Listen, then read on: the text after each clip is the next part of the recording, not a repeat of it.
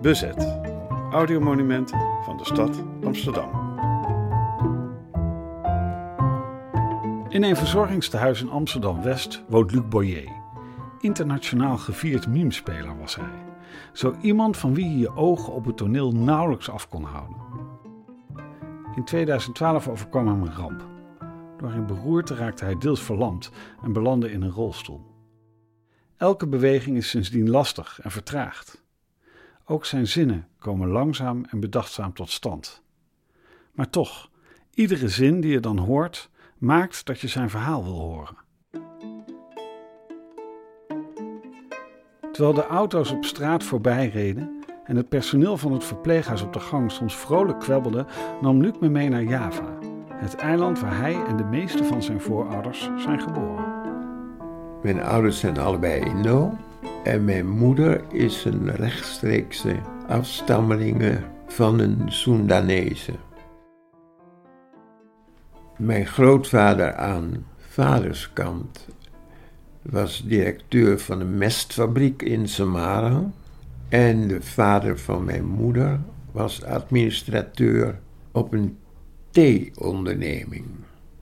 Mijn vader had op de suikerschool gestudeerd. Hij werd dus uh, fabricatiechef op verschillende ondernemingen, op Java dus.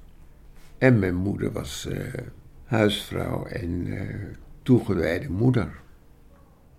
Het echtpaar Boyer, bestaande uit vader Jean-Charles Boyer en moeder Nelly Rouveroy van Nieuwaal, telde acht kinderen, geboren tussen 1931 en 1951. Luc was de derde, geboren in Batavia in 1935. Wij woonden voor de oorlog in Probolinggo en we verhuisden in 1942 naar Malang, waar ik lezen en schrijven leerde.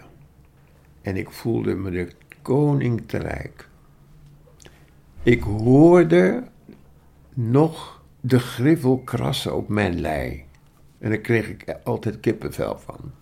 Net zo goed uh, de, het krijt uh, op het bord. Ik kon lezen en schrijven. Dat was een verrijking van mijn leven. Ik hield veel van lezen en schrijven.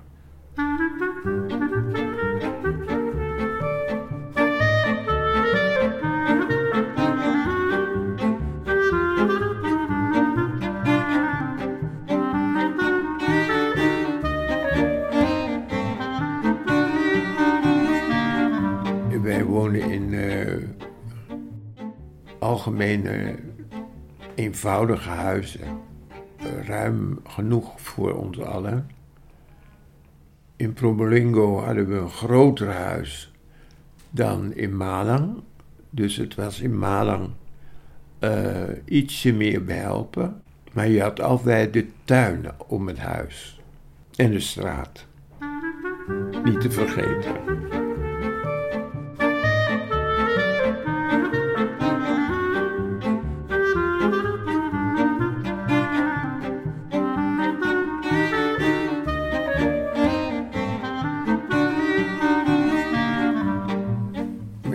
Stokjes, poeren in kuiltjes, in gaatjes, onder steentjes. Ik was erg beïnvloed door uh, het boek De Kleine Johannes van Frederik van Eden. Of het Kleine Insectenboek. Ik, en ik bracht de, de handelingen in praktijk in de tuin. Een paar beelden van een zorgeloze jeugd in Nederlands-Indië. En die zorgeloosheid kwam voor de Indische familie Boyer een einde op 8 december 1941, toen de oorlog tussen Japan en Nederland uitbrak. Vader Boyer werd gemobiliseerd bij de burgerwacht van de stad Malang. Hij nam afscheid s'avonds voordat hij wegging. En uh, hij zei tegen mij uh, bij het weggaan: Pas goed op je moeder. En toen sloeg hij zo zijn arm om mijn schouder en dat was het. Hij ging zo gewoon en rustig weg. Hij werd niet weggesleept of zo. En mijn moeder was ook vrij rustig. En ik begreep het niet waarom hij weg moest.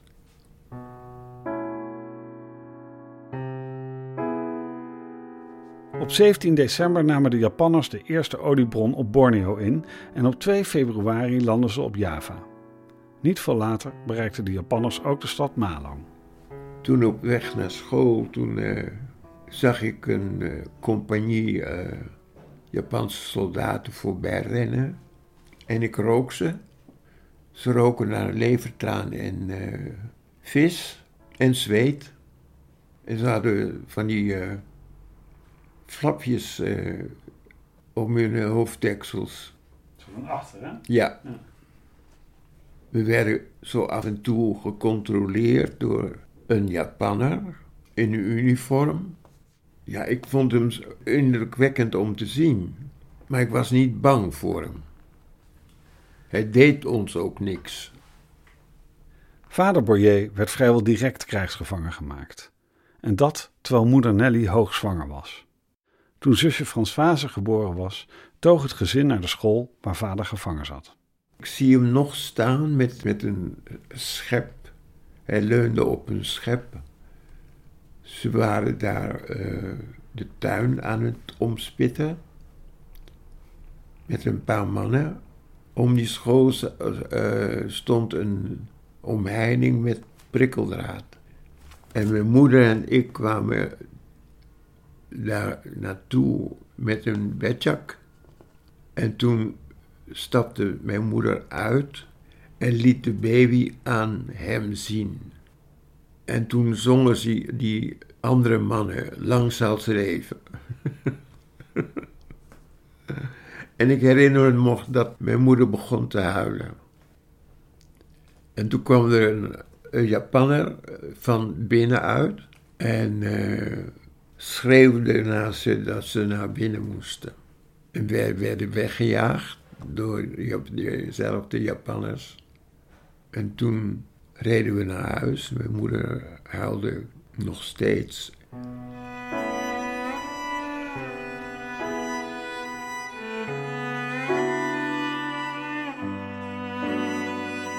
Het duurde niet lang of alle volledig Nederlandse gezinnen werden geïnterneerd. De wijk waar de familie Boyer woonde werd leger en leger. En Luc struinde als kleine jongen door de wijk. Soms lagen meubels in de tuin verspreid.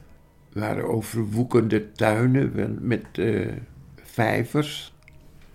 Het waren niet alleen maar woonhuizen. Eh, sommige huizen waren uh, als kantoor ingericht.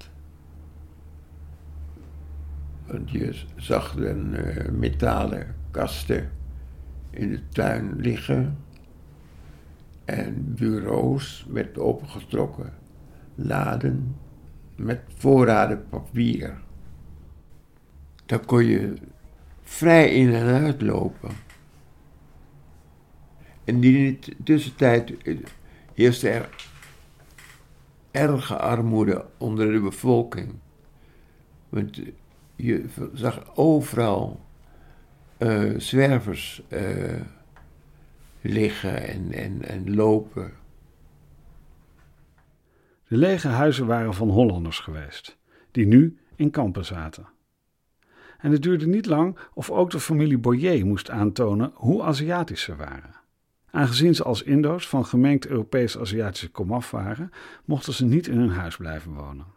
Ook zij werden geïnterneerd.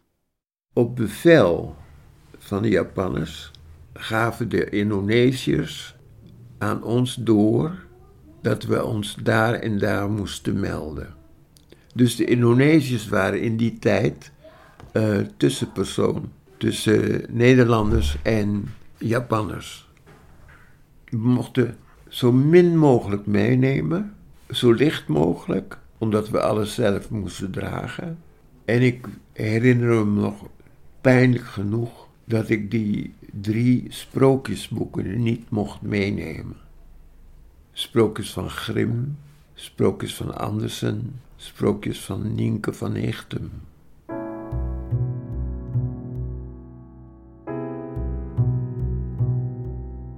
Te voet ging het vervolgens verder naar de bergenbuurt, die speciaal was afgesloten van de rest van de stad. Daar kreeg de familie een huis toegewezen, waar ze met meerdere mensen in moesten samenwonen. Ik sliep in een bijgebouw samen met opa Notenbaard, die astmatisch was. Dat herinner ik me zo goed, omdat hij uh, heel veel hoestte, vooral s'nachts. En dat hij zijn uh, spuugblikje aan een touwtje om zijn hals had hangen. En we woonden samen ook met Peter, dat was een spastische jongeman, die uh, marcheerde met uh, kreppers, castagnetten. En die stootte een paar uh, kreten uit. Ik zie hem nog lopen in het achtertuin.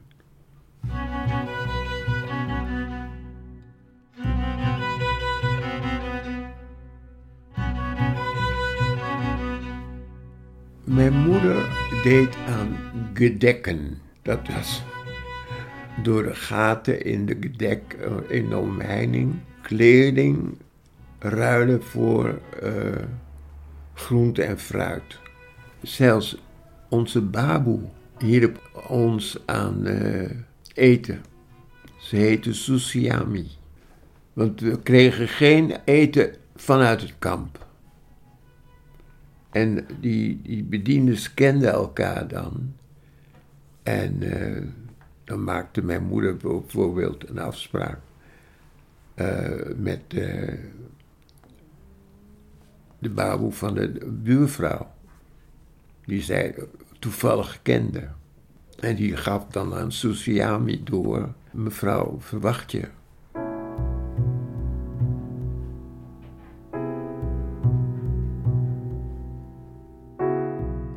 Aanvankelijk zaten er ook veel Europese Nederlanders in het kamp, maar die werden in de loop van de oorlog naar andere kampen op Java gebracht. Vader Boyer werd ondertussen als krijgsgevangene van eiland naar eiland getransporteerd, waar hij onder dwang van de Japanners vliegvelden moest aanleggen.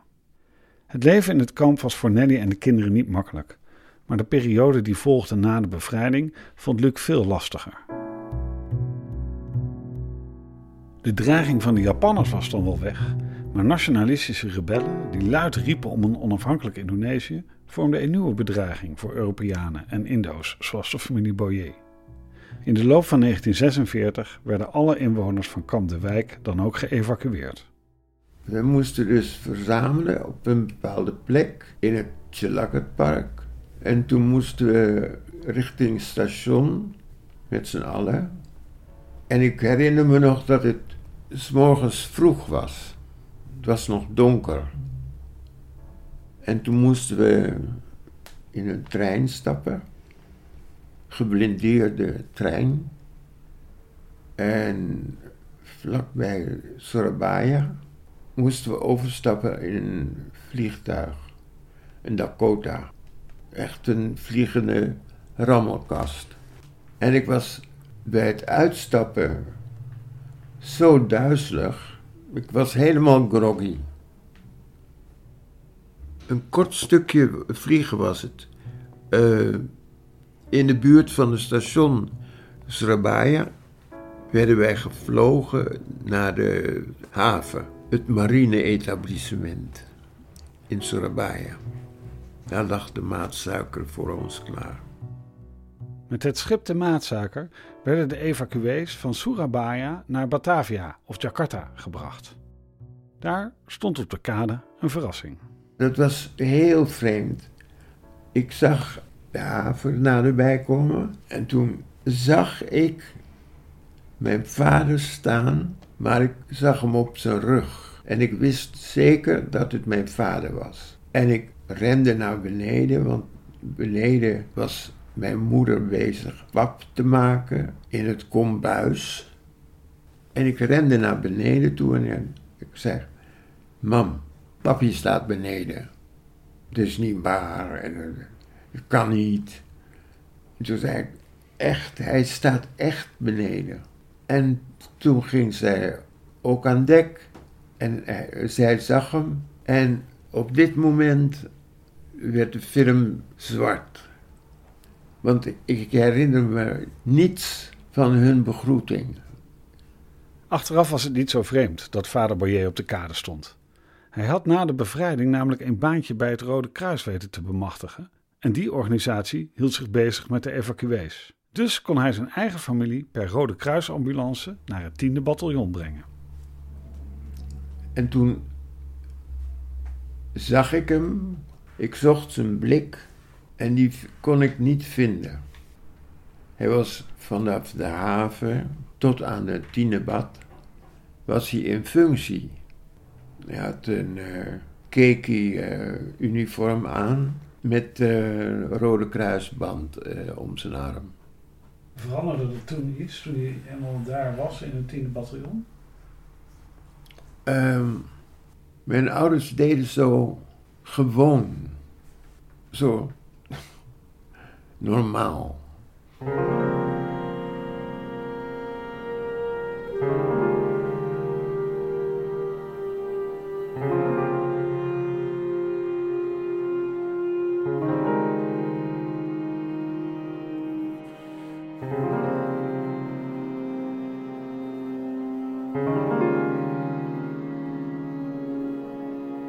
In het onafhankelijk Indonesië werd het voor vader Boyer steeds lastiger. Luc merkte er niet zoveel van, al kreeg hij zijdelings wel wat van de problemen mee. Meer ingewikkeld voor hem was het trauma dat zijn vader in krijgsgevangenschap opgelopen had. Ik zocht in die tijd een substituutvaderfiguur, want ik had geen houvast aan mijn eigen vader. Pas later hoorde ik hoe zijn krijgsgevangenschap uh, was verlopen. Maar ik las dat in een boek. En dankzij de verhalen van Charlie Robinson wist ik wat er op zo'n vrachtschip gebeurde met uh, krijgsgevangenen. Die werden gemarteld en vernederd en en in de kampen op de eilanden moesten ze uh, hard werken. Harvey Wijzig werd die surrogaatvader. Harvey was net iets ouder dan Luc en woonde vlak bij hem in de buurt. Het was alsof de militairen in krijgsgevangenschap een gelofte hadden afgelegd. We praten er niet over. En dus zag Luc alleen die lege blik en wist hij verder niets. De enige informatie die hij direct kreeg was van een Engelse kampvriend van zijn vader. Die vertelde dat vader hem had geleerd welke gewassen je wel en niet kon eten. De familie verhuisde van Jakarta, zoals Batavia inmiddels heette, naar Semarang. En het werd er allemaal niet makkelijker op. Op een gegeven moment kreeg vader Boyer de keuze: of in Indonesië blijven of naar Nederland gaan. Mijn vader zei: ehm, Ik heb al mijn schepen achter me verbrand. Ik kies voor jullie toekomst, maak er het beste van. U enig idee wat dan die schepen waren? Want hij was... Ja, hij kon kiezen tussen Indonesisch staatsburgerschap, Warna Negara worden dat betekende dus dat hij eh, onder Indonesiërs zou moeten werken. En daar had hij helemaal geen zin in. Of naar Nederland terug. Maar wij waren nooit in Nederland geweest. In 1953 vertrok de familie Boyer per trein van Semarang naar Surabaya om daar op het schip de Sibayak naar Rotterdam te stappen. Eenmaal aangekomen in Nederland gingen ze naar Friesland, waar ze in een pension werden ondergebracht. Ik zat hoog in de bus en ik kon zo de huizen zien voorbij gaan. En ik dacht bij mezelf, hier wonen vast kabouters. Dat idee werd versterkt doordat er allemaal tuinkabouters in de tuin met kruiwagens en zo. Ik vond het erg klein. En toen stelde ik mezelf gerust. Achter zijn de tennisbanen en de bossen. Bleek niet zo te zijn, weilanden. Maar die werden aan het oog onttrokken door de kabouterhuisjes.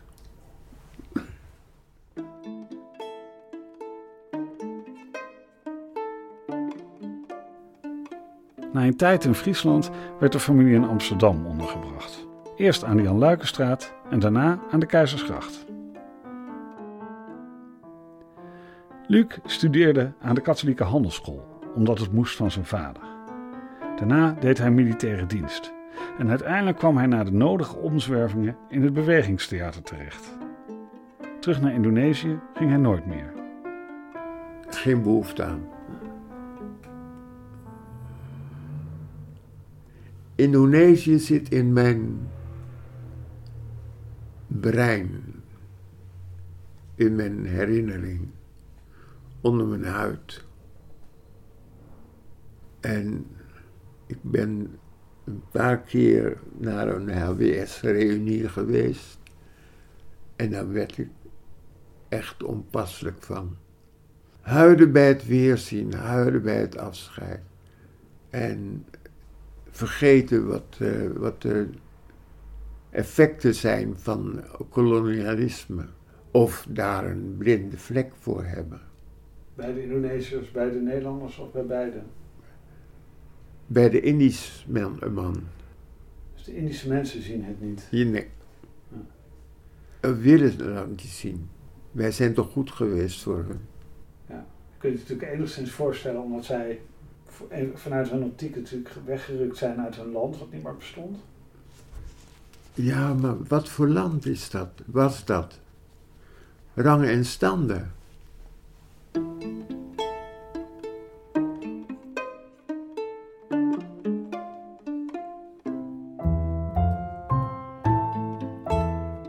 Luisterde naar het verhaal van Luc Boyer in de podcast Indonesië zit onder mijn huid.